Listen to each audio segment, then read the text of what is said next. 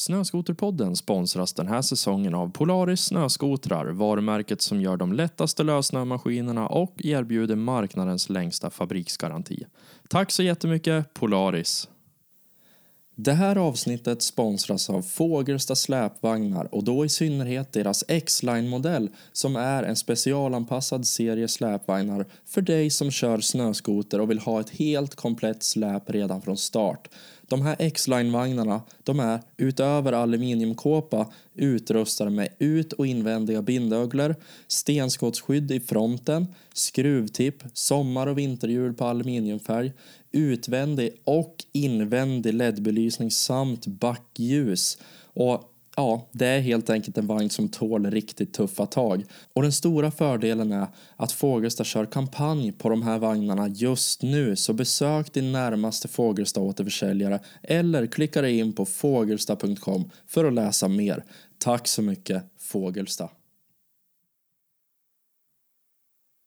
Vad hände med, med, smeknamnet Abbe Jo? Ja, det där är en liten komisk grej egentligen. Eh, det var väl mycket från det att när vi började vara och köra i utlandet och sånt där. I Sverige har vi, då blir det ju som Abbe Jo, men där trodde de väl att man hette det namnet mer eller mindre. Så att det vart som, de, de, okay. de förstod inte vad ens riktiga namn var. Så då tänkte jag att ja men det är väl kanske lika bra att byta namn.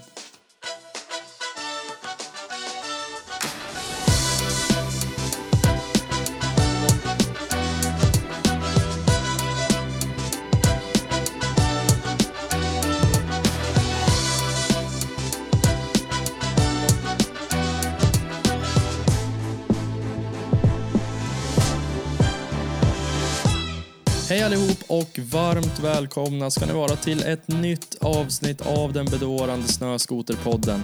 Vi befinner oss i december månad, julmaten har lagt sig som ett fett bälte runt midjan och kanske har du som lyssnar fått möjlighet att lägga säsongens första mil på skotern. Dagens avsnitt är nummer 42 i ordningen och med mig här idag så har jag verkligen inte vem som helst. Dagens gäst är förmodligen en av landets bästa skoteråkare när det kommer till extrem friåkning såsom hopp och feta whippar. Han är en av åkarna, frontfigurerna för skotermärket Lynx som syns till i allt ifrån Instagraminlägg till renodlade reklamfilmer för nya skotermodeller från det märket. Utöver det här så har han hela 36 000 följare på Instagram och han är minst sagt en väldigt intressant person som man verkligen vill veta mer om. Det är en stor ära att välkomna denna herre in i poddstudion. Albin Johansson, varmt välkommen till Snöskoterpodden. Ja men stort tack för det. Det var ju väldigt trevliga ord att höra måste jag säga. Det är superroligt att ha det här verkligen. Vi, vi känner inte varandra sen, sen tidigare så från min sida känns det här jäkligt kul både för poddens del men också personligen att få lära känna dig. Ja, nej men vi har väl bara träffats är det en gång uppe i Rovaniemi och det var väl inte så, så speciellt länge sedan. Så att, ja, det känns kul. Verkligen roligt. Har du lyssnat på Snöskoterpodden förut? Eh, jo, men det har jag gjort. Jag är egentligen inte en, en person som lyssnar på speciellt mycket poddar. Men eh, eh, när, du, när du börjar släppa dina poddar då de, de i början har jag då lyssnat på allihop. Så att det, det är enda podden jag egentligen har lyssnat på. Ja, det är ett jävligt bra betyg om, om det bara är Snöskoterpodden du lyssnar ja, på. Ja. Jag tolkar det som en komplimang. Ja, men det, jag tyckte jag har ett väldigt bra jobb och det, det är en ära att få vara med. Det är roligt. Ja, ja men superroligt. Det är jätteroligt att ha det här. Då vet du ju lite grann hur det går till i alla fall. Eh, jag spelade in med, med din eh, vän Andreas Bergmark här för några veckor sedan och då pratade vi om att det inte är så jättemånga som vet vilka dels han är men ni andra i Lynx-gänget också. Det är liksom, man har stenkoll på er från, alltså med hjälm. Man vet exakt vilka ni är. Men man känner inte er som personer. Så att, ja, jag tycker det är jättekul att eh, ha dig med här så man får en personlighet bakom de där feta grejerna som görs på Instagram. Ja, nej, jag, jag håller med dig lite grann i det där och det är det vi kanske vill försöka få lite ändring på så att vi kan synas mer på ett annat sätt och inte bara, inte bara åka och göra tvärstora hopp och sådär. Så vi har väl pratat lite grann om det blir att starta Youtube och sånt där och ja, men få, få mer helheten från, från snöskoteråkningen.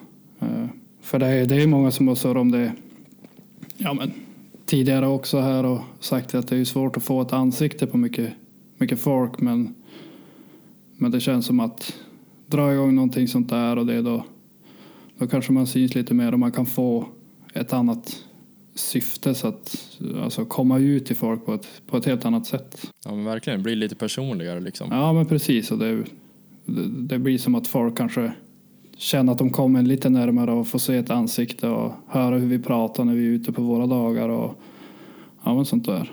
Så att, Mm. Det borde ni verkligen göra. Jag stödjer 100 procent och jag kan nog eh, tala för hela, hela podd-Sverige också, alla som lyssnar på Snöskoterpodden, att alla skulle nog uppskatta det. Det hade varit svinkul. ja men det känns som en rolig grej. Jag tror att det kommer bli ett, ett stort lyft för oss också. För det har blivit lite enformigt kan jag tycka. Att vi, det blir de här korta grejerna. Jag har ju alltid haft som att Mm. det ska vara något i kvalitet som jag postar. Eh, eller i alla fall försöka. För, ja, men som för, för mig själv. Att jag, jag vill ju göra stora grejer och bra grejer ändå. Men nu känns det som att man har kommit lite grann till att ja, men, försöka komma ut lite grann på ett annat sätt och, och visa upp sig på ett annat sätt. Så att jag tror att det kan bli bra Mm. om, om vi lyckas dra igång något vettigt. Det är jag helt övertygad om att ni, att ni kommer göra. Men du, eh, jag hoppar tillbaka lite grann. Du nämnde det i förbifarten där. Vi, vi sågs ju i Rovaniemi, det är några veckor sedan nu. Eh, och då hade ju Tobi en, eh, alltså klädmärket Tobi, de hade en rembytartävling i sin monter. Och där var ju du, eh, alltså du, du var så sinnessjukt snabb apropå det här att lägga upp korta klipp. Eh, kan du berätta lite grann om den här, om den här rembytartävlingen? Ja, men det var ju... Vi gick egentligen förbi där bara och, och kikade. Och då såg vi att det var... Det var någon kille där, jag minns inte exakt vad han, vad han hette, om det kan ha varit Erik eller no, någonting sånt, som hade bytt rem då på, om det var typ 5,6 sekunder eller något sånt. Hade han ja, men tagit lös remmen, slagit den i backen och sen satt tillbaks den då. Så vi stod ju där. Det här ska ju tilläggas då att det var en, en, en gammal Skido-rev från typ 2003 eller 2004. ja, precis. Jag tror till och med att det kanske var 07 Skidorev Jaha. 440 med en 800 motor i. Så den är, det är ju lite mäktigt. Men, Mm, men, eh, verkligen. nej, men då, då gick vi förbi där och, och bara såg det. Att, då, jag sa det då att ja, men det där det är, det är omöjligt. Han måste ju ha slitit loss hela skotern. Eh, så vi provade ju det där först en gång då. Ja, då tog det ju typ 11 sekunder när man hade bytt rem. Men då vart man ju lite sådär tävlings så skulle försöka göra det där så fort som möjligt. Och då, ja, jag fick ju då en gång då det gick väldigt bra och då var jag väl på typ 4,6 sekunder eller någonting sånt. 4,65 eller. Så då lyckades jag ju ta det där som, som han hade gjort. Men i slutändan så vet jag inte riktigt vem det blev som, som vann den där tävlingen. Eh, för Adam Renheim, han slog slog mig. Och jag försökte försökte ta hans, men eh, ja, det tog ju rätt ont i, ont i fingrarna för det var ju inte det var inte att ta loss remmen försiktigt direkt utan det var ju eh, sli, Ja, det var slita. slita. Ja, Ja, men, alltså skotern, skotern rörde sig ju till och med. Alltså, jag, jag tror videon du la ut, skotern flyttade sig säkert två decimeter på, på marken bara genom att slita i remmen. Så att det är ju... ja, Det var, det var helt sjukt faktiskt. Man tror typ inte att det är sant när man ser videon. Man tror att det är snabbspolat. nej, och det var ju det är lite kul med den där videon för den har ju gått otroligt bra för mig på sociala medier och har genererat väldigt mycket. Och det är ju ett kort, snabbt klipp där man inte riktigt ser vad som hände i början. Så att folk vill väl kanske titta på honom igen och folk skapar diskussioner mellan varann och sådär att ja men remmen var redan lös och sånt där. Men, men det kan jag säga att det var, Man, det kan, var man tror inte. inte att det är sant. Nej, Nej. Så att, Ja, Jag provade att byta, jag fick inte, jag, alltså jag fick inte till det. Så att det säger en hel del. I och för sig, det, ja, det är väl kanske mer ett dåligt betyg till mig. Men nej, jag skriver under på att det var fasen inte lätt att byta den där remmen. nej, ja, men det, var en, det var en rolig tävling ändå. Kul att de, de körde det där faktiskt. Jag tror att det var rätt många som deltog i själva tävlingen. Jo men det var det, det var väldigt många. Men hur många, hur många visningar hade du på det där klippet? Ja, alltså den där har ju tickat på eh, ganska bra. Han steg rätt fort och sen har han som fortsatt gått hela tiden. Så att jag tror han är uppe mot 15 miljoner visningar eller något sånt där och har ju genererat väldigt bra på så sätt med ja, att folk har varit in på ens Instagram och, och sett och titta och många nya följare och så. Så att det är ju riktigt, riktigt roligt att folk verkar vilja kika på det om och om igen. Så att det har ju det har ju varit ett bra lyft för mig så att säga i, i början av den här säsongen. Ja men verkligen. Det var, det var helt sjukt för att när, när vi började prata om att vi skulle spela in podd, det var innan Rovaniemi-mässan. Då hade du 24 000 följare. Sen eh, nu när vi spelar in det här, det är i december månad, då har du 36 000 följare och det, det som har hänt som är väsentlig skillnad från då november när Rovaniemi-mässan var och december det är att den här videon har lagts ut med, med ett rembyte på typ 4,5 sekund. Alltså det är helt sjukt vilken genomslagskraft det har fått. Det är så jäkla roligt. Jo, nej men precis. Nej, det, är- det är riktigt kul att, eh, att man kan se. Jag har ju tyckt att det har gått tungt för mig och många på Instagram och sånt där. Men man ser att, att det kan hända att det, det slår igenom. Och, ja, den, gick, den gick riktigt bra måste jag säga. Och det är, det är kul att det, att det faktiskt genererar. Så det känns, det känns roligt. Riktigt kul. Men du Albin, eh, jag är övertygad nu om att poddlyssnarna de är superintresserade av att lära känna dig som person. Det vill säga, vem är egentligen killen bakom de stora hoppen, de snabba rembytena och alla andra galna grejer som du gör? Så vi spolar tillbaka livet till eh, där det startade, nämligen på BB. Vart är du född Albin? Ja, men jag är född i Skellefteå på BB då. Eh, Mm. Och jag är uppvuxen i, i Bureå heter det. Två mil söder om, om Skellefteå. Eh, Så där har jag bott tills jag var, ja men kanske var jag 17 eller 18 innan jag flyttade hemifrån. Eh, Och sen har jag väl bott i, i Skellefteå då. Och nu, nu bor jag i en lägenhet här. Så att det är väl där jag har haft min, min uppväxt och Ja, men jag har ju fått, fått köra mycket skoter och sånt och vi har ju ändå bott relativt bra till. Så att jag har ju alltid ja, kunnat åka skoter och jag har haft en bra, bra uppväxt ändå ska jag säga. Men okej, men du hade en, en riktigt bra barndom med andra ord. Eh, hade du några andra intressen förutom skoteråkning när du var, när du var liten? Jo, men när jag var liten då höll jag på. Jag sp- sportade ju mycket och spelade mycket hockey och, och fotboll gjorde jag. Eh, och hockey var väl kanske det stora intresset jag hade då i alla fall. Och vi bodde ju ja, men väldigt nära hockeyplan som, som finns i Bure så att det var ganska enkelt på kvällar och det att bara lasta skridskorna och klubban och pucken och det på, på sparken och sparka upp och, och åka skridskor. Så det var ju nästan varenda dag man var och åkte skridskor på, på isplan där då. Hade du mycket kompisar också som höll på då så att ni var, ni var ett bra gäng? Ja, men det var väl alltid, alltså många, många som man kände spelade ju, spelade ju hockey, många som man umgicks med då spelade hockey så att, och det var ju alltid folk där i alla möjliga olika åldrar, både föräldrar och ungdomar, så det var ju ofta man, ja men vi gjorde i ordning så att vi kunde spela som en, en typ av match, men ja, utan skydd och sånt där och bara friåkning och, alltså det var ju riktigt kul. Eh, och det ju ja, det, det var ju som en, en bra träning och en bra syssla när man var, när man var ung, måste jag säga. Men eh, drömde du då om att bli hockeyproffs som eh, många andra hockeyspelare gjorde när de var liten eller hade du några andra drömmar som barn? liksom, vad, vad ville du bli när du blev stor? Ja, precis. Det där är en väldigt svår fråga. Nej, men visst, man hade ju någon typ av visioner om att man skulle bli någon hockeyproffs och, och spela hela livet i princip. Men nu vart det ju inte fallet riktigt så. Men eh, sen när man blev lite äldre och så där. Jag spelade ändå relativt länge. Jag tror kanske jag spelade tills jag var 16 eller något sånt där.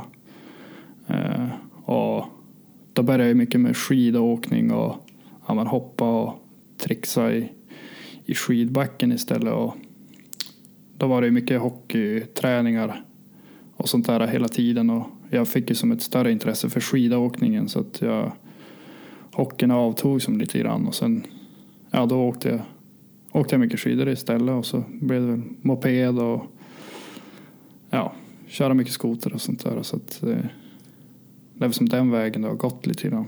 Det känns som att det är ofta, eller det, det för väldigt många människor så alla de här intressena som man hade när man var, när man var barn de förändras rätt mycket när det kommer typ en moped eller något motordrivet in i bilden. Eh, så har det varit i min närhet i alla fall. De flesta som, vi, vi höll på med cykling väldigt mycket.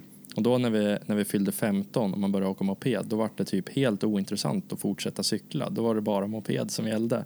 Och sen kom skoten in i bilden och sen kom körkort in i bilden och liksom, ja, jag vet inte, intressena förändras lite grann när man, när man växer upp på så sätt. Ja, nej men verkligen, det, det, det håller jag med om. Eh, och det var väl som när man fick, ja men som sagt skoten har jag ju alltid kört lite grann och så sen när man fick sin första moped och sånt där och det var väl, det var väl där själva skoterintresset växte och, och började, eller motorintresset om man får säga så. Uh, och sen dess har jag som alltid haft ett stort intresse för det. Jag har ju kört lite cross och sånt där och gillar att skruva. Nu är ju det en av grejerna som jag tycker typ värst, hålla på att skruva. Jag tycker inte alls det är roligt. Mm. Men jag orkar inte hålla på. Det ska ju göras, det är ju det, är det som är. Men det är, det, är, det är precis som du säger, när det vart de här första motordrivna fordonen så, så var det som att, som att allt kom igång lite grann. Och man, man fick ett ännu större intresse. Ja, verkligen. Skolval. Var, alltså, grundskolan är ju vad den är, men eh, när det vart gymnasieålder, eh, runt 16 år, vad, vad gjorde du för val då? Hur gick tankarna? Ja, ja, hur tankarna gick det vet jag inte riktigt. Det var ju... Det, jag tyckte det är svårt när man är i den där åldern att riktigt veta vad, vad vill man göra eller sådär. Men eh, jag valde i alla fall att gå eh, industri då. Eh, så jag fick ju hålla på med svetsning och sånt där. Och det har jag, det har jag tyckt är roligt. Eh, så det var ju det, det valet jag gjorde. Och jag ska ju inte sitta här och ljuga och säga att jag var världens bästa i skolan. Eh, men eh, ja, jag fick då, fick då slutbetyg och sådär och jag är då nöjd över det. Eh, men sen hade jag kunnat lägga... Du fullföljde det i alla fall? Ja, precis. Men jag hade kunnat lägga ner mycket mer energi på det och det är väl, det är väl någonting som man ska göra. Man ska inte uppmuntra till att inte vara i skolan. Så är det, men jag, jag, jag är nöjd med, med det jag gjorde i alla fall. Och jag, det, det blev vad det blev helt enkelt. Vart det, rätt, eh, vart det rätt val då? Har du haft nytta av utbildningen sen? Jo, men det har jag, det måste jag säga. För redan ja, innan jag gick ut skolan fick jag väl som halvers mitt första jobb då. Eh, och sen gick det ganska fort typ precis i samma veva som jag gick ut skolan. Då vart jag erbjuden att börja jobba uppe i, i Kiruna. Eh, så det blev ju då direkt efter skolan så åkte jag till Kiruna och var där och jobbade. Eh, så då körde vi, jobbade sju dagar och ledig sju dagar. Så det var ju det, det som vart då men eh, ja, jag höll på med det i kanske fem år eller vad det nu var. Men jag vart ju lite less på på pendla med bil emellan och sånt där. Men själva jobbet i sig och svetsjobben och det vi hade var ju, var ju roliga. Och jag fick ju ta många olika licenser och sånt där. Så att, eh, ja, men jag, jag har alltid tyckt att det, var, det är kul att svetsa. Det var jag. Och Mm. bygga rör och sånt där. Är det det du jobbar med idag också eller? Nej, idag då jobbar jag faktiskt med något helt annat. Nu är jag, nu är jag och, och letar guld i gruva. Så att jag idag då kör jag mest bara, bara maskiner och, och försök ja, hitta guld. Driva tunnlar så att säga. Okej, så att eh, programmet Gold Rush på tv, det är typ du i verkligheten? Ja, det vet jag inte riktigt om jag skulle påstå men eh, Alltid på liv och död. Ja, det känns som att det blir en, en hel del överdrift i just de där programmen men eh, nej, det är ju två skilda världar skulle jag vilja säga. Men Ja det, det är kul, det vart ju som en helt ny start för mig. Jag har inte hållit på och kört så mycket stora maskiner och sånt där.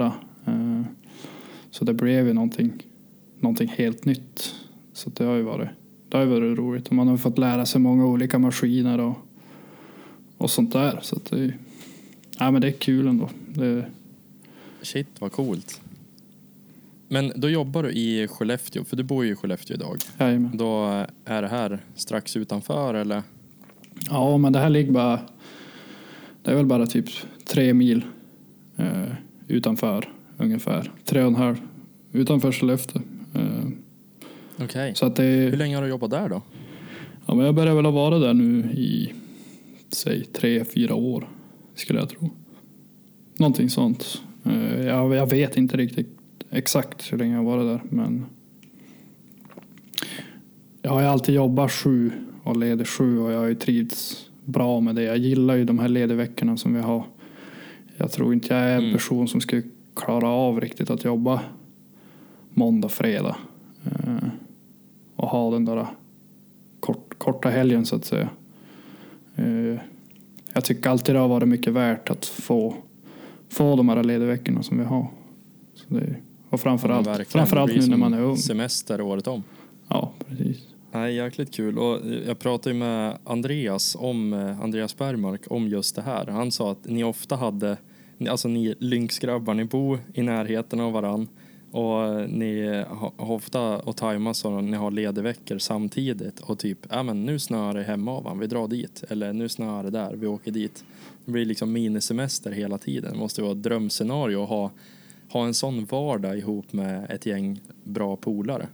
Ja, men verkligen. Och det är det som är så, det är det som är så enkelt att vi har ju alltid gått samma typ av skiftgång. Så att, ja, men jag och Pontus jobbar ju, vi jobbar samma skift så att när vi går förmiddag då går till exempel Andreas och Marielle, de går eftermiddag den veckan. Men det är samma sju dagar så att vi har ju alltid, vi har ju alltid sju dagar vi är lediga samtidigt. Så det, det underlättar ju väldigt mycket att man kan ja, men komma på en måndagkväll att ja, men nu ska det, nu ska det snöa massa uppe i ja, säg Saxnäs eller var som helst. Så att då kan man bara hoppa in i bilen och, och åka. Så det är ju väldigt Mm. fördelaktigt ska jag säga.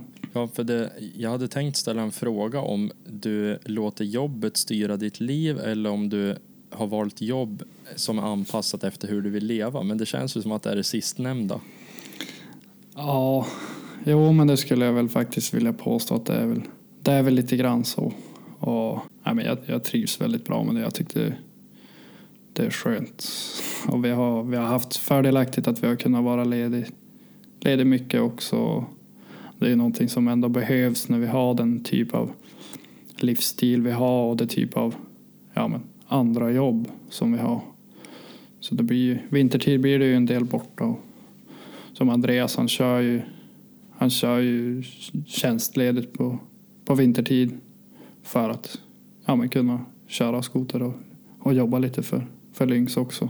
Mm. Så att, Äh, jäkligt häftigt. Du, vi ska djupdyka lite grann i skoteråkningen alldeles strax. Men jag börjar bara fu- fundera på en sak nu när vi pratar om eh, liksom privatlivet.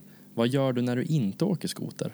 Mm, Ja, när jag inte åker skoter så ja, det blir väl försöka umgås med, med min sambo och, och det blir ju mycket garagetid, skruvning och sånt där och nu för tiden spelar jag ganska mycket paddel. Mest för att ha, jag är inte speciellt fysiskt aktiv om vi säger så.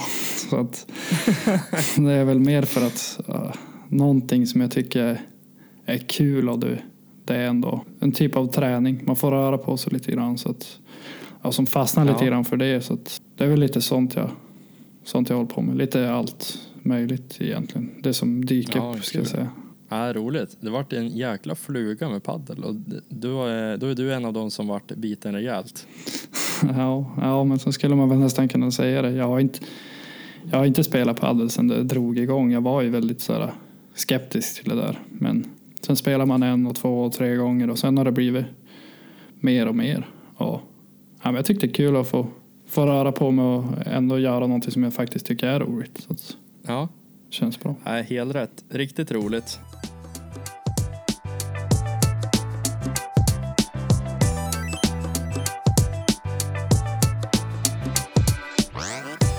Men nu då till den stora frågan. Hur gick det till när du började köra skoter? Ja, eh, vad ska man säga riktigt? Ja, Det har jag alltid... Jag skulle väl säga att det var min, min far som, som höll på mycket med... Han gillade ju också skotrar.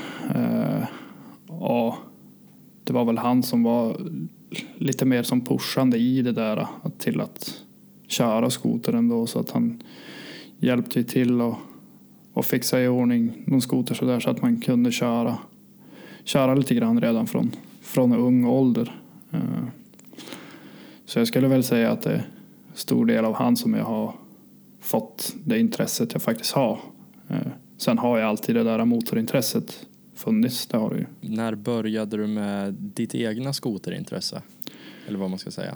Man har ju alltid varit sådär äggad på skoteråkningen och när, ja, men när de ska ut och köra familjen eller något sånt där så var man ju ofta och ville prova gasa lite grann sådär och redan från ung ålder och fick väl köra på någon liten läggda eller på någon is eller eh, någonting sånt. Och sen från det så har det väl bara ja, man tjuvkörde väl lite grann när man var i för ung ålder och sådär. Och sen var det ju betydligt mycket lättare då när man väl fick ta det där skoterkortet och kunna köra ja, men helt lagligt. Eh, Så då blev det ju från där då man ja, köpte sig sin egna skoter så att säga. Eh, Vad var det för något? Ja, men jag tror att den första riktigt egna skotern jag köpte det var nog en, en sån här uh, Rev Summit. Alltså Skido Rev modell, Summit-modellen och den typ Mm. den 2007 eller vad det nu var. Eh, Så det var väl den första skotern jag köpte själv. Eh, Sen hade jag kört något. eh, Pappan var ju mycket inne i Polaris och sådär. Eh, Så då har man väl kört mycket det då före. Men den första jag riktigt köpte själv det var en sån där Skido Rev Summit. Någon 800 modell som, ja, Mm. han gick ju tyvärr sönder ganska fort men det var ju bara lag och se glad ut. Hur har skoteråkningen utvecklats för dig genom åren? Ja, men jag skulle väl egentligen säga att eh, jag har ju alltid tyckt om det här med skogsåkning och, och sådär. Eh, och sen blev det väl vid, ja, jag tror att det var typ slutet av 2016 kanske. Eh, då började jag och Andreas umgås lite grann sådär. Eh, och sen efter det då, ja då vart det att man man provade på ja, men gjorde sina första hopp sådär. Jag tror jag gjorde min första whip. eh, Jag tror att det var då slutet 2006, typ vårkanten där 2016. Och det var där man som kom igång lite grann ska jag säga. Och han var ju där utvecklingskurvan börjar bli brantare. Ja men precis, det var som då man kände att ja men det här, det här kan jag. Jag, kan- jag kan ju klara det om jag vill. Bara jag får, får träna lite grann. Så man har ju som nött på då därifrån. Och Andreas har ju varit en stor ja, men, inspiration för både mig och för, för många andra. Eh, så han har ju, han har ju hjälpt till väldigt mycket och ja, men, och pushat. Och, men så tycker jag att de flesta som, som vi har åkt med är ändå att det är så här, ja men alla, alla vill ändå typ åt samma håll så att man är som som väldigt framåt och försöker stötta varandra. Vissa grejer kanske man måste säga det att ja, men har du funderat på det här? Har du, har du tänkt två gånger? Lite så, men Ja. Ja. Men det känns som att det är så generellt i hela skoterbranschen. Man, man hjälper ju varann. Det är ju en individsport men det är ändå en lagsport på något sätt. jo, nej men visst det är ju så. Och, ja, det håller jag verkligen med om. Det enda jag kan tycka är lite grann sådär, det är väl när man far någonstans och det, det kom folk som kanske inte har, har kört speciellt mycket skoter alls och de ser att ja, men, man gör en jättestor whip och så helt plötsligt kom de på att ja, men, det där ska jag också göra. Det där kan jag också. Mm. Och jag säger inte att man inte ska prova det, inte för det, men vissa gånger kanske man måste tänka två gånger och, och sådär och ta det step by step lite grann. För jag kan tycka det är lite obehagligt när det blir de här eh, pang på att ja men okej det här är det här är ett stort hopp, det här blir en stor grej men du har aldrig riktigt gjort det förut. Eh, Så sånt, sånt där tycker jag kan, kan vara lite obehagligt men samtidigt, det är inte så att jag inte låter folk prova men man försöker komma med lite tips Nej. och råd och sådär och ja men ja, försök stötta varandra och hjälpa till. Ett ganska bra råd är väl liksom att, att tänka efter före. Eh, det var bara med, med Andreas nu som vi, vi pratade om och liksom försöka tänka om det går om det går åt helvete, vart, vart ska jag slänga mig? Bara en sån här enkel sak som ska jag kasta mig framåt, bakåt, vänster eller höger? Ja, Det är ju ett sådär, jag tycker det är ett sånt genialiskt knep bara att man bara att man åtminstone innan hoppet tänker om det går åt pipsvängen, vart ska jag kasta mig? För det är något som en amatör kanske inte har tänkt på innan.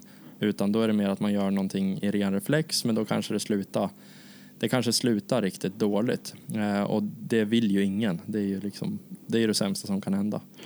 nej men visst, eh, det är ju så. Och, ja, men till exempel göra en, en bakåtvolt sådär, det är garanterat jätte- jättemycket folk ska klara av det men du måste ändå ha det där i, i bakhuvudet. Ja, men, hur, hur går jag tillväga? Vad ska jag tänka på? Och, och så. Att, ja, men, för du gör en bakåtvolt till exempel, då är du alltid jagad. Skoten kommer alltid. Mm. Den ska åt samma håll som du ska. Eh, och det är det som blir lite speciellt. Göra till exempel en whip är väl lite mer safe men du måste ändå veta att ja, var ska du släppa och var ska du trycka iväg skotern och, och sånt där. Så det är, Mm. men mycket sånt där kommer med tiden men man vill helst inte att det ska hända en, en olycka innan man har lärt sig. Nej. Nej men exakt. Har du några bra tips där för hur man kan börja och ta det liksom step by step för att citera dig? Eh, så här, vart, vart börjar man? Ja, jag vet faktiskt inte. Jag tyckte det där är, det, det, är en, det är en svår fråga för eh, jag skulle säga själv att man har ju lite dubbelmoral i det där egentligen men man ska väl gå, gå lite, lite mindre först och som känner på så här men samtidigt så är ju många som är så här väldigt nära många gånger eh, på att göra till exempel en whip eh, där skon klämmer är egentligen många gånger då farten. Att ja men för hoppar du lite mer då har du mer tid i luften. Eh, du hinner se bra vad som händer och du kan som mer eller mindre stanna upp. Så att det är ju det är ju enklare att ha mer fart skulle jag säga. Men det är ju samtidigt, eller samtidigt är det ju en ja, det blir en större risk för du är ju du flyger mer, du är längre upp och det så det är det jag menar. Det, Ja, det är lite tvåsidigt. Ja, det blir lite grann så. Men just till att börja med så ska jag väl säga att ja, men, ta det försiktigt och känna på och sådär. Och sen får man ja, men öka lite grann och sen när man känner att man är safe och vet ungefär hur man ska göra. Ja, men då kan du väl öka farten lite grann och, och sådär. Och känna att ja, men nu fick jag en, en relativt bra höjd på hoppet och då, ja, men då kanske du sitter helt plötsligt. Skulle du säga att det roliga i skoteråkningen har ändrats för dig genom åren? Eh, nej, men det skulle jag väl faktiskt inte säga. Eh, jag tycker alltid det har varit kul. Det har alltid varit min hobby och sådär. Och när det blev på tal det här om att jag ska börja köra för Lynx eh, så då sa jag ganska fort att ja, men jag vill inte, jag vill inte behöva ändra på någonting om hur, hur jag gör eller alltså hur jag kör eller att jag ska måste posta viss många inlägg eller sådär. Och, och då fick jag ganska fort i svar att ja men det är bara do your thing. Typ att ja men fortsätt som du, som du alltid har gjort. Och, och då kändes det ganska ja men enkelt, skönt bara. Så att jag har ju alltid mm. kört på samma sätt, alltid haft det som min hobby. Så nu blir det väl mer kanske ibland som ett jobb, men inte så att det, jag känner att det är jobbigt. Nej, för det där hade ju kunnat vara en riktig vändpunkt när du vart mer involverad i Lynx.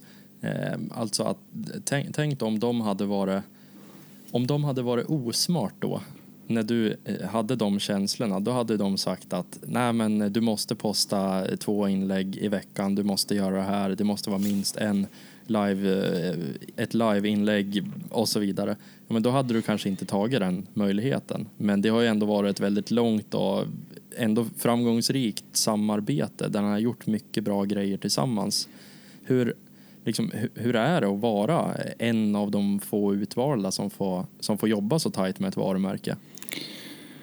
Ja, men det, det är jättekul. Och alltså, jag tycker att de är så himla bra att ha att göra med. Det, det är som det är aldrig något problem och de är det någonting så försöker de alltid lösa det och de är, de är riktigt bra att ha att göra med, måste jag säga.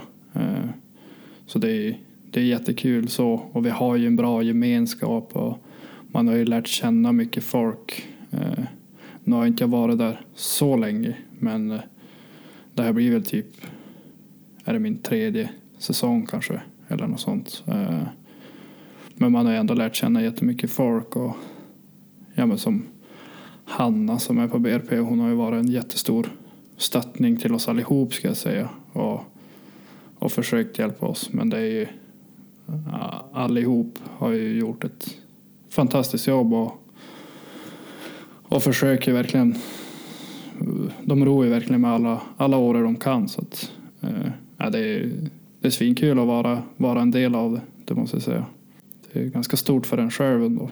För en själv att få, få, få vara med i det där. Och det är väl som en mer eller mindre en liten dröm man, man alltid har haft. Att, att kunna köra på, på, på den nivån ändå. Så att, eh, ja, jag är jättenöjd, jag är jätteglad. Eh, det känns kul en, en sak som jag tänker på utifrån, är något som måste vara extremt roligt att vara en del av. Liksom, ja, det är en sak med att man har stöttning och man är med om roliga saker och så här, men någonting som verkligen ser, ser coolt ut och spännande, det är ju när ni spelar in reklamfilmer och fotar nya lineups, alltså nya årsmodeller som man gör då vintern innan de, de faktiskt släpps. Det måste ju vara galet roligt. Hur, eh, hur skulle du kunna beskriva en sån dag?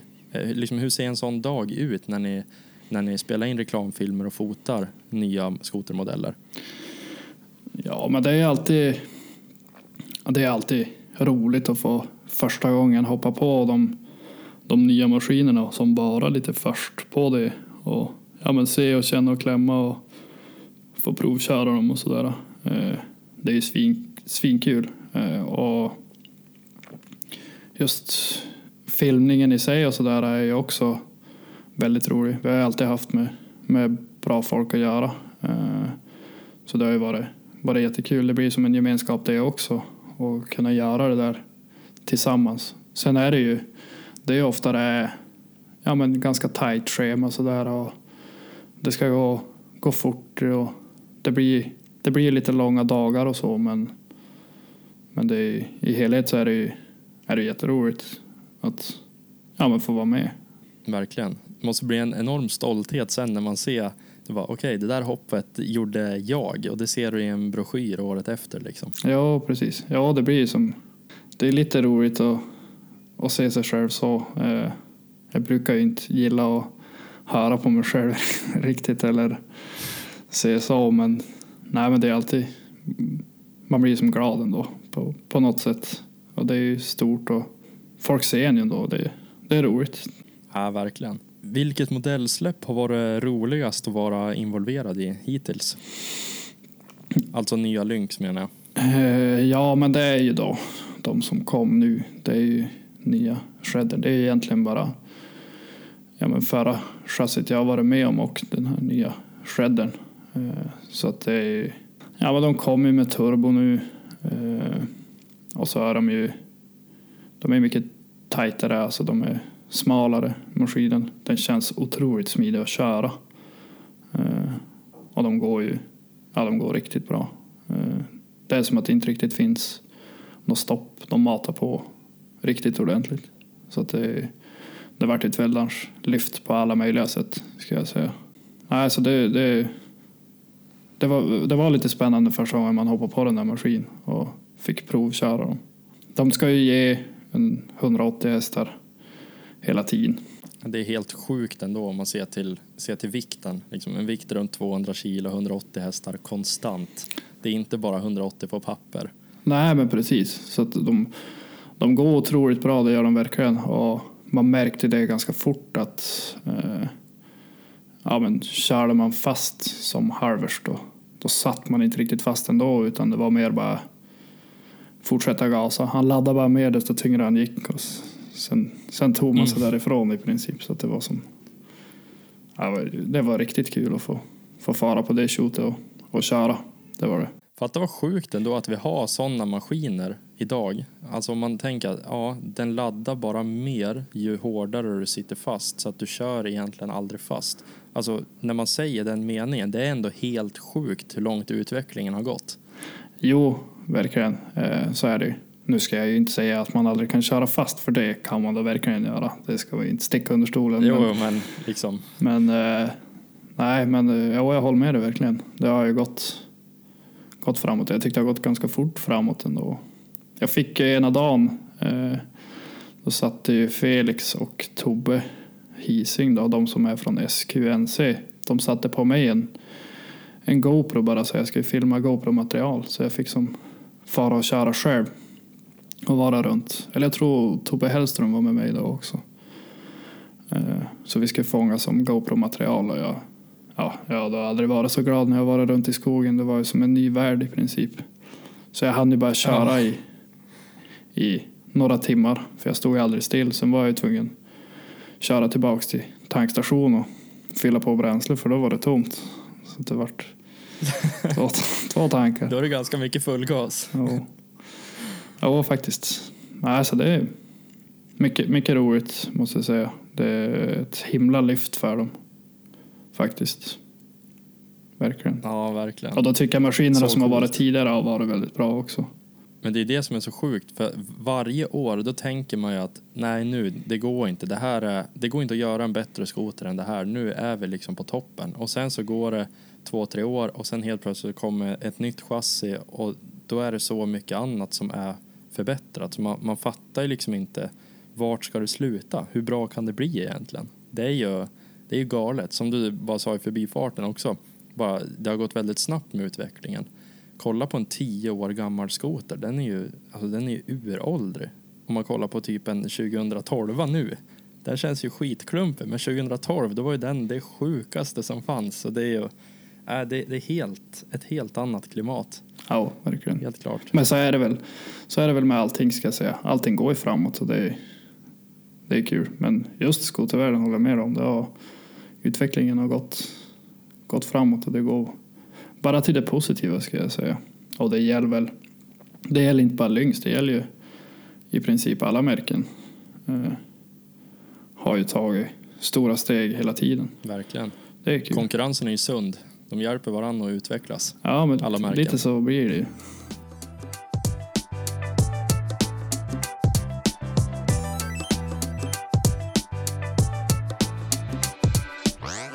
Men du, hela det här samarbetet med Lynx som du har, det grundar sig väl kanske i, alltså ändå typ i grund och botten så har du ju jättemycket med sociala medier att göra. Eh, I och med att du har haft många följare, du har nått ut till många människor, du har varit eh, ja, men en förebild för många personer också. Så hur skulle du beskriva din Instagram-karriär genom, genom åren? Hur, hur började det? Och, och, ja, och idag vet vi ju vart du är någonstans, men liksom, vart, vart grundade sig allting? Det var en väldigt svår fråga faktiskt. Eh, men det blev väl att när man började hoppa och leka och studsa lite sådär och köra lite mer seriöst så blev man lite mer aktiv på just Instagram då och försökte posta grejer så att ja, men folk skulle se och sådär. Eh, så det är väl från, från det skulle jag vilja säga. Okej, men ändå då, så man skulle kunna sammanfatta det som att du har inte haft någon direkt strategi utan du har mer bara postat när du har gjort, när du har gjort coola grejer och sen så har det, har det löst sig därifrån. Ja, men lite grann så skulle man väl faktiskt kunna säga det. Eh, jag har ju som försökt göra ja, men bara, bara det jag tycker är kul och, och sen försökt utvecklas själv. Eh, och jag har alltid sett det som en, som en grej för mig själv att ja, men jag måste inte ha ett, ett videoklipp på någonting jag gör utan det är mer jag kör ju för att jag tycker det är kul och ja, jag försöker utvecklas själv och sen är man ju självklart nöjd om man är så sätta upp någonting och få, få ett bra klipp på det. Men jag har aldrig känt att det är riktigt så här måste filma, måste filma, måste filma utan det är inte det som är drivkraften. Nej, men inte precis. Och det är väl som, ja men lite grann så har jag varit. Att ja, men jag gör det mer för min egna skull och den hobby jag alltid har haft och tyckt det är svinkul. Och det är det jag vill kunna fortsätta ha så att, inte, så att man inte tappar det och börjar backa av på skoteråkningen istället. Nej. Någonstans, det är, ju, det är ju att du är extremt duktig att köra skoter. Det är ju det som har det är det som har någonstans tagit dig dit du är idag. Eh, och det får man ju inte, det får man inte glömma. Det är, alltså man kan inte börja pruta då på den, den bra produkten eller vad man ska säga. Eh, om produkten blir sämre så kommer det inte vara intressant att följa den, den personen heller. Så att det är viktigt att, att eh, du bibehåller din skoteråkning som topprioritet. Ja, det där var ju väldigt snällt sagt. Jag har ju aldrig sett mig själv som någon jätteduktig skoteråkare så. Jag tycker utvecklingen för mig själv har gått framåt men man, man ser ju folk överallt som är sinnessjukt duktiga på att köra skoter och det är jätteroligt att se att ja, men folk vill framåt, folk pushar sig själva och ja, men kör på. Så att det, det tycker jag är framförallt väldigt roligt att, att se. Det är det. Verkligen. Det blir ju med sociala medier också, man, man hjälper ju varandra att pusha. För då blir det att någon lägger upp ett klipp, då tänker nästa kille att ja, men jag ska vara ännu värre. Och sen så håller man på så där och sporrar varandra och tar utvecklingen framåt också. Ja, verkligen. Så är det Det, det håller med. Om man ser ju någon som kanske gör något som är lite sådär outstanding och så försöker man som halvvägs kopiera det på något sätt lite grann och ändå göra det på sitt eget vis. Att Nej, det, jag, jag håller med om, om det du säger faktiskt. Det är, sociala medier är både för och nackdelar kan jag säga. Eh, men just i det här fallet så är det ju, är det ju bra tycker jag. Ja men verkligen. Verkligen. Men eh, skoteråkningen det är ju ändå det som är absolut mest centralt och du säger själv också att du, du prioriterar skoteråkningen. Jag skulle vilja veta, av alla dina åkdagar som du har på ett år, för du måste ändå ha en hel del. Eh, vad, alltså har du något sånt där, någon riktig mardrömsdag? Eh, alltså någon dag där, där det bara har varit riktigt dåligt? Eh, alltså ditt, ditt värsta skoterminne helt enkelt. Den där är ju väldigt, väldigt svår. Men eh, jag hade en period för några år sedan eh, det var i samma veva som när jag började köra mycket med Andreas. Eh, och då, ja, jag körde sönder hela tiden.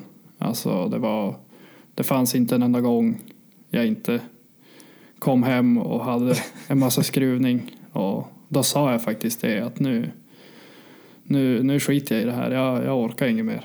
Alltså det, det, det, det blir Antingen så var man uppe i fjälls, man hade trasigt, försökte ragga några grejer för att ja, men få ihop skotern eller så tattalagar man någonting eller så, ja. det var alltid någonting. Eh, och så kom man hem och så var man tvungen att skruva massa när man kom hem. Så det var ju mer än en hel tid i alla fall. Och bara hålla på. Eh, Ja, och då var jag, på den tiden var jag trött. Men eh, det gjorde stor skillnad när jag, när jag faktiskt började köra Lynx-maskinerna. Eh, det öppnades nya dörrar för mig, måste jag säga. då möjliggör det en utveckling också som tas till en helt ny nivå såklart. Jo, precis. Det, det är verkligen. Det, det, har, det har gjorts otroligt stor skillnad för mig.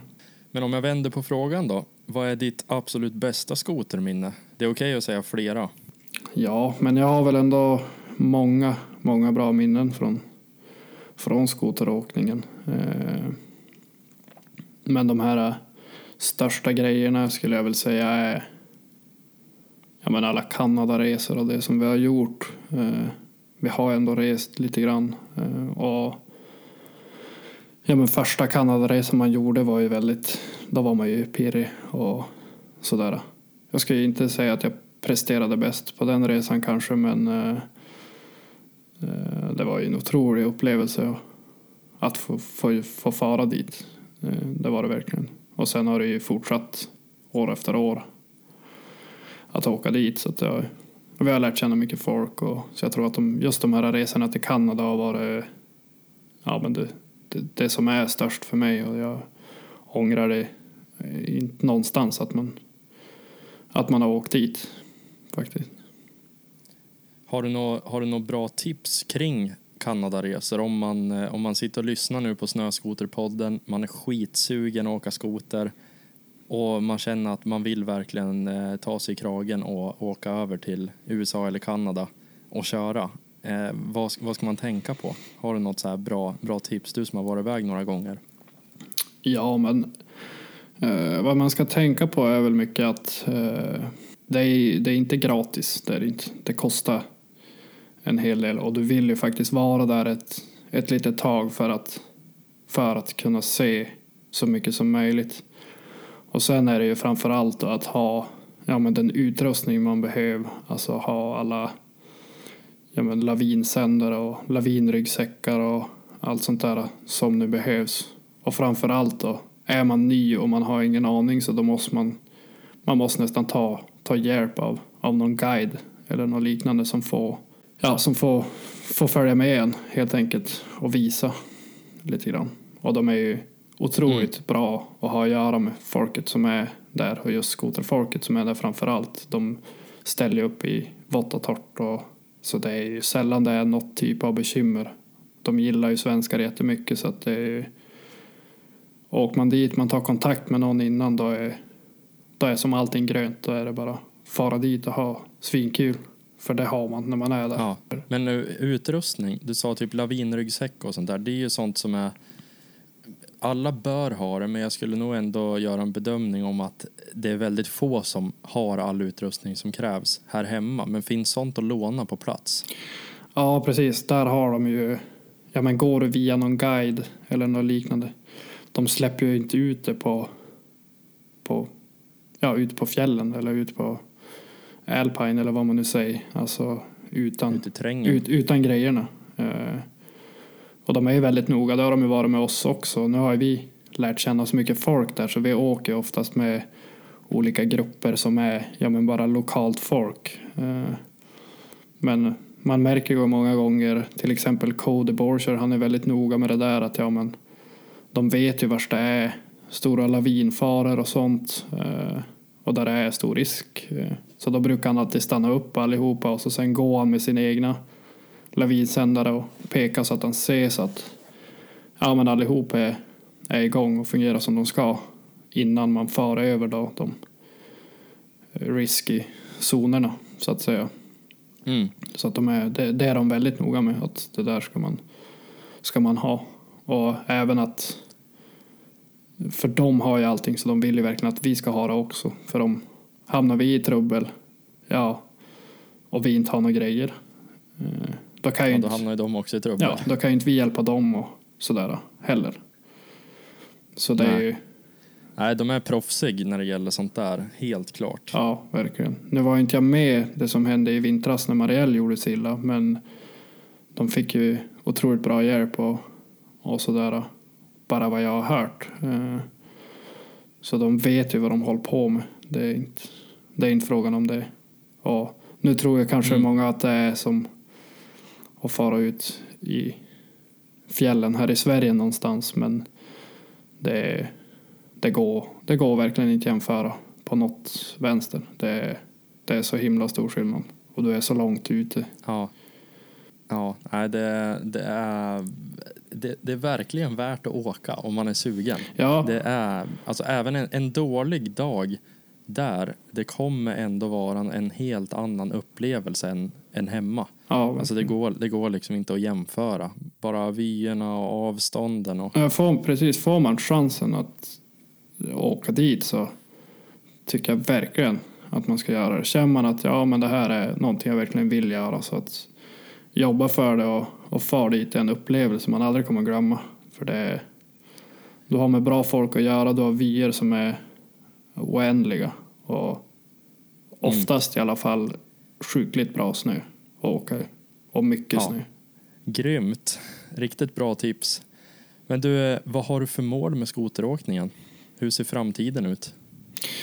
Eh, ja, men eh, mål är väl att det är väl att fortsätta åka skoter, försöka hålla mig hel, inte skada mig. Eh, och sen framför allt försöka, försöka utvecklas och ja, men känna att jag är som, som nöjd ändå. Att, ja, men det, det är positiv, bra stämning, går framåt. Och så länge jag tycker det är kul så, så är det väl ja, typ de målen jag, jag vill ha ja, men hjälpa folk och pusha, pusha folk och pusha varandra och sådär. Det är ju en väldigt bra gemenskap i skoteråkning ska jag säga. Verkligen. Jag instämmer 100 procent. Kul. Du, det börjar bli dags att avrunda avsnittet. Vi har spelat in i, i ungefär en timme. Hur har, det, hur har det känts från din sida? Nej, men det var ju det var jätteroligt. Eh, mycket trevligt. Eh, jag har ju aldrig, aldrig gjort något sånt här förut så att det är det är, ibland är det lite svårt att få fram ord till just vad man ska säga och hur man ska förklara men det är ju sjukt roligt att, att få vara med i något sånt här och man får väl hoppas att det är folk som, som vill lyssna och eh, höra. Så det är riktigt, riktigt kul. Det känns, känns spännande att få höra slutresultatet också. Ja, ja men jag, alltså jag är helt övertygad om att folk kommer, kommer vilja lyssna på det här. För du är ju, som jag sa i introt också, du är en skitintressant person. Och jag tycker från min sida, och jag kan nog tala för poddlyssnarna också, det har varit, det har varit sjukt roligt att du, att du ställde upp på det här och spela in. Det har varit riktigt roligt att sitta ner nu en timme och prata lite om, om dig och skoteråkning i allmänhet. Men eh, om man skulle vilja komma i kontakt med dig, hur, eh, hur gör man då?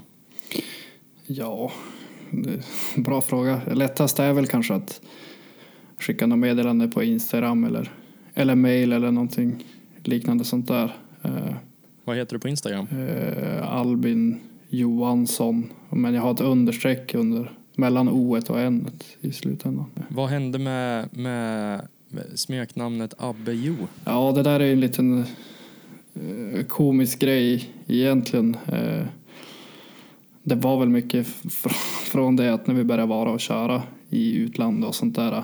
I Sverige har vi, då blir det ju som Abbe Jo, men eh, där trodde de väl att man hette det namnet mer eller mindre. Så att det var som, de, de, de Okej. förstod inte vad ens riktiga namn var. Så då tänkte jag att ja, men det är väl kanske lika bra att byta namn.